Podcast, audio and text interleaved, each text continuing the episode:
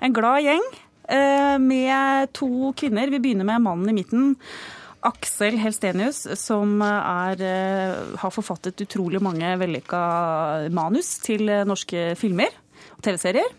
Og så har vi, eh, og så har vi deg, Sigrid Bonde Tusvik, som er komiker. Du har også dratt på noen debatter opp igjennom, og prøver å egge til kamp når du kan. Ja. Ja.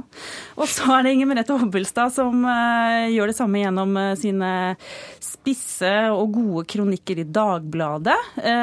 Og dere, vi, har nødt, vi er nødt til å begynne med det som alle under 25 bryr seg om i dag, vil jeg i hvert fall tro, hvis du ikke er helt sånn på sidelinja, det er eh, Twilight og vampyrene. Fordi i dag så har da, eh, så vidt jeg har skjønt, jeg er ikke noe ekspert på Twilight, men vi leser jo om det i avisen, eh, premiere på femte og siste film, som er i dag. Og dette er jo da en, først en bok, og så har det blitt en enorm filmsuksess, som da rett og slett er eh, basert på et tema som er veldig populært eh, i verden, over hele verden, nemlig vampyrer. Og det er skrevet mye om denne serien, men det som en, en journalist i Vårt Land sier i dag, det er at eh, dette er konfirmantundervisning. Sier Øyvind Woie i Vårt Land. Fordi disse vampyrene de er veldig ordentlige. Det er sånn at f.eks. man skal vente med eh, å ha sex før man både er liksom forlova og godt gift. Og det er i det hele tatt en veldig, veldig mm, kristenkonservativ mormoner som har forfattet det hele, og som kanskje holder disse kristne verdiene litt sånn høyt hevet. Vårt spørsmål til dere er har eh, ungdommen som elsker denne serien, gått på en sånn kyskhetsblemme? Hvem stiller du spørsmål Er det sånn ja, ja nei, ja? eh, Lek? Ja eller nei, Sigrid? Eh, ja. Nei. Nei. Oh, Jeg, må, jeg må begynne med den som har brukt veldig mye tid på å forske på, på, Ja. på Twilight. Um, hvorfor har de ikke det? Altså for Det første, det du sier her er jo riktig. Det er jo altså, det er ikke noe vanskelig å trekke linjer i det hele tatt mellom forfatterens mormonske eh, liv og tro og på en måte idealene i, i disse romanene. Som da går på at det er jo en vanlig jente som blir forelsket i en vampyr, men de kan liksom ikke være nær hverandre engang fordi han er så redd for at han skal eh, komme til å miste kontrollen og bare hugge tennene i henne. Så de er litt sånn redde for det, så de er nødt til å holde seg fra hverandre selv om å, som de lengter etter å, etter å komme nær. Det er litt sånn kristenleir, ville noen sagt. jo, så du, det er jo helt klart en side av det. Men jeg tror grunnen til at dette virker så dragende da, på millioner av lesere over hele verden, det er at hva er det man oppnår ved det, da? Fordi det man gjør, er at man klarer å gjøre noe av det som er aller vanskeligst å gjøre med kjærlighetshistorier på film og i litteratur om dagen. Det er at man klarer å finne årsaker til å holde to som vil ha hverandre, fra hverandre. Man klarer å skape en spenning. altså Det er ikke bare å kaste seg armene på hverandre med en, med en gang. Fordi altså I verden i dag, veldig mange av det som var kjepper i hjulene for par i filmer og romaner før i tiden, er jo ikke hindringer lenger. Man kan jo forlate ekteskap, man kan flytte til et annet land, man kan gifte seg på tvers av eh, klasser, og selv om familien ikke vil. Så hvordan skal man skape denne historien hvor man faktisk må kjempe for hverandre, da, hvor kjærligheten faktisk blir satt på prøve? Og det som jo eh, er det, og det blir den jo her, nettopp ved at de er så redde for å i det hele tatt eh, veksle blikk omtrent. Og, da, og da, alle vet jo at det man ikke, vil, ikke kan få, det vil man ha. Og derfor så vil de ha hverandre enda mer. Det er ikke veldig rebelsk dette her, Sigrid? Ja, jeg syns det er veldig stusslig. Det er jo selvfølgelig motsatsen til Fifty Shades of Grey, som er eh, da altfor direkte rett på, som heller ikke er troverdig. Er Som foreldrene leser? ja, og sikkert eh, de skal begynne å lese denne Twilight-generasjonen.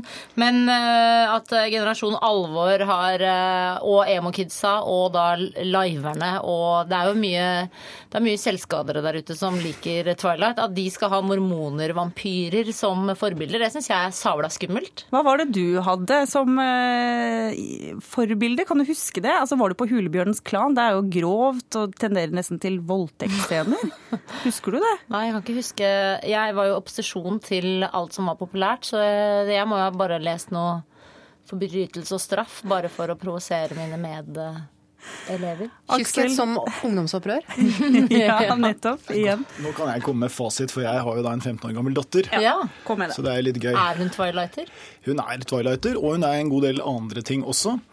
Nei, jeg, nei, men jeg tror hun er eh, ganske blyg. Jeg tror egentlig at ungdommen Jeg tror ikke det er noe sånn veldig mye blygere enn oss, men jeg tror at, dette, at grunnen til at dette eh, har slått så vanvittig an, er at det har truffet et eller annet. Selvfølgelig så er det, hvis vi skal bruke sånn, fine ord på det, det er high concept som vi snakker om i filmbransjen. Du, du har truffet, du, du laver Du har et konsept som er varulver, som går inn i vår tid. Det er special effects, det er voldsomme greier som skjer. Det er stor kjærlighet på alle måter.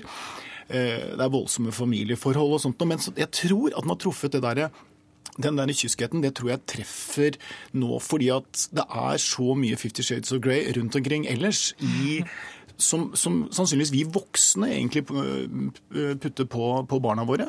Så jeg kan godt tenke meg at det der derfor treffer det akkurat nå. Kanskje ikke hadde truffet så voldsomt når vi var unge, sannsynligvis ikke. For da var det, altså Jeg leste Clay Allison, Sexy Western og, og sånt, men da, det var jo også en helt annen tid. Da var jo pupper helt ut av TV og, og sånt. og det var mye... Da fikk du det der. Ja, så man de fikk det der. Nå får, de får, du kan jo nesten ikke trykke på en knapp på datamaskinen uten at det bare velter over deg. Så jeg tipper at det er med på at dette her er det som treffer. Og som vi pleier å si i filmbransjen, det eneste som er sikkert, er at ingenting er sikkert. Så du kan nesten ikke kalkulere med det heller. Men nå har de truffet. Det er fordi de vampyrene er Disney-vennlige at øh, det provoserer mest, da, syns jeg. Hvis det hadde vært ekte vampyrer som ikke hadde drukket dyreblod. For jeg mener at det er det som er feil her. da. De er ikke ordentlige bestialske vampyrer som historien skal ha det til. Det er liksom en omskrevet uh, ja, Den lille havfruen. Og så hjelper det at alle er veldig pene. Det er en, egentlig så er det jo en sånn på en måte ekstrem feminisering, sånn overforståelsesfull måte å se det på. For gjennom hele populærkulturhistorien så har jo vampyren vært en truende skikkelse. Og ganske seksuell og ganske farlig. seksuell, og den som lokker deg utpå, som du ikke skal, eh, skal gi etter for, og som kommer om natten og liksom setter tennene i de, disse unge kvinnene. ikke sant? Altså, det er jo ikke så innmari vanskelig å se hva den metaforikken eh, er for her. Men så kommer da denne eh, damen og spør å ja, men stakkars disse vampyr, er det, no, er det så fint å være vampyr da, kanskje? Kanskje de egentlig har det vondt inni seg, kanskje de egentlig bare er ensomme og bare vil ha kjærlighet, de også. og der har du millionsuksess. det er ofte sånn smelle jenter kan gå på. Tro at de kan gjøre en vampyr til et veldig snilt og godt menneske. Vi må videre. Eh, Det er nemlig sånn at eh, Tidligere frontfigur i Turboneger, Turboneger, Hans Erik Dyvik Husby. Mange kjenner han fra som både skuespiller og, og, og rocker, og hyppig gjest i talkshow rundt omkring, og byr på livet sitt. Han har egentlig lovet bandkameratene sine at han ikke skal liksom benytte seg noe mer av Hank, som var scenenavnet hans, og, og ting som er assosiert med Turboneger. Men han ga ut en bok for en liten stund siden hvor han det står Hank på for- for- forsida. Og det reagerer de tidligere bandkameratene hans veldig på. De vil ikke at han skal få framføre sanger, ikke bruke Hank von helvete, og eh, generelt holde seg langt unna, og, og kanskje f.eks. få veldig mye søksmål hvis han putter en av de berømte rakettene i rumpa som han var kjent for. Er det rettferdig? Eh, nei, jeg syns han skal få lov. Nei. Ja. Aksel, hvorfor er ikke det rettferdig? Nei, altså jeg, ehm, jeg har lyst til å hente tilbake en eh, som vi husker begynner å bli dra på året nå. Tina Turner. Som da var døpt Ann May Ballack, eller, eller noe sånt noe. Det er jo et navn som ikke hadde solgt så mye plater i dag. Så hun gikk jo da til å hete Tina Turner fordi hun giftet seg med Ike Turner og turnerte med Ike. Og de het jo Ike og Tina Turner. Da de gikk fra hverandre, så sa hun at eh, du kan for så vidt ta fra meg alt. Hun ble jo banka opp ganske grundig av Ike også, så det var jo mange grunner til at hun gikk. Men hun sa du kan ta fra meg alt, men navnet mitt, det skal jeg ha.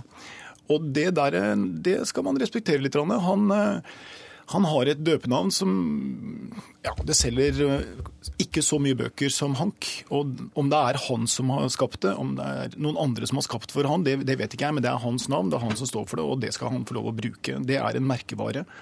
Sigrid nikker. Ja, jeg er enig med Aksel her. at eh, Jeg syns Hank von Helvete har jo gjort en sabla god jobb med den raketten i rumpa. Eh, Og det er jo han som har eh, vært den rampe, rampungen der.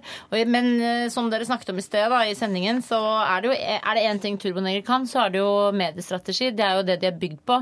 Så sånn sett så tenker jeg jo at dette er en ny strategi, fordi de er misfornøyd med den nye vokalisten som ikke lager noe føss. Så de begynner å skylde på den eh, gamle, feite vokalisten som gjør mye rart.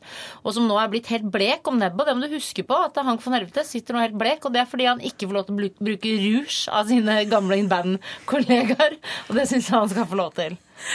Hvorfor syns du det er greit? Ja, altså, det er jo, disse skilsmisseparallellene her er jo åpenbare. Altså, man ser jo for seg at dette også har vært preget av en sånn eh, idealisert forelskelse en gang i tiden, hvor man smelter sammen til et hele og deler eh, navn og roller og konsept og tenker at dette skal vare for bestandig. Og så eh, kommer man og skal prøve å stykke opp den enheten igjen, og det skjer jo ikke uten at det blir litt sånn litt gråt og konflikter og spenninger. Men så syns jeg ikke helt den parallellen holder helt heller, for dette er klart dette er jo noe som har vært veldig spesifikt knyttet til hva de har gjort på en scene. Eh, og som er knyttet til et sånt veldig sånn spesifikt artistisk eh, konsept. Og hvis du ser på band, eh, flere av de andre bandmedlemmene, altså sånn som Knut Skreiner og Thomas Helser, de har jo brukt sine egne navn. De har jo ikke brukt scenenavnene sine når de har vært utenfor Turboneger og gjort andre ting, hatt talkshow på TV, skrevet kronikker om musikknerdete, veldig sånn spesifikiteter og lignende. Og da syns jeg på en måte det er rimelig å forvente det av, av de andre her også. Og særlig ikke minst fordi han har jo etter hvert også blitt etablert under sitt eget navn, hvis du sier det navnet. Alle vet jo hvem det er snakk om. Så Hans Erik Dyvik Husby. Ja, det vil jeg si. Så jeg begynner å tenke at han uh, kanskje Han må begynne å få litt mer selvtillit, tenker jeg. Tenk at det er ikke bare som Hank von Helvete, de elsker ham. De hører på hva han sier når han er seg selv også. En kjappis på slutten, dere. Ja. Eh, det var jo sånn at Kongen eh, delte ut en medalje til Trond Ali Lindstad, som han da trakk tilbake igjen. Er det lov å gjøre, selv når man er konge? Ja. Nei. Nei. Hvorfor det? Kort. Eh, dette var jo en håpløs situasjon hvor ingen kunne komme ut av det hele med ansikt og skinn og stolthet eh, i behold. Men her var det jo snakk om eh, uttalelser fra Lindstads side som man ikke må skal være fryktelig forsiktig med med tanke på historie med jødedeportasjoner og i det hele tatt. Han kan jo selvfølgelig si det, men spørsmålet er om han skal premieres for det om en medalje som har disse forskriftene, og det ble for vanskelig, tenker jeg. Ja, Sigrid? Jeg mener jo at han har gjort ganske mye bra. Eh, det er jo litt, jeg, jeg liker jo sammenligningen med Nine Kari Monsen som fikk eh, Fritt Ordspris, selv om hun skyter fra hofta mye mer enn Lindstad her. Men, eh, men jeg, det jeg tenker, er at historie Vi må se til eventyrene. Fordi eh, konge, kongestater, eller kongehus i eventyrene òg, når de ikke ber den slemme heksa inn på middagen, så blir Tornerose straffa med å sove i 100 år. Så man skal eh, gi også Man skal invitere de slemme også inn på, på Slottet, og det mener jeg man kunne gjort med Trond Ali Lindstad, selv om han er en røver og og litt sånn slaskete. Aksel, siste ord til deg. Ja, jeg, det går altså igjen, det er veldig farlig å bruke ordet jøde igjen, og det er jo interessant.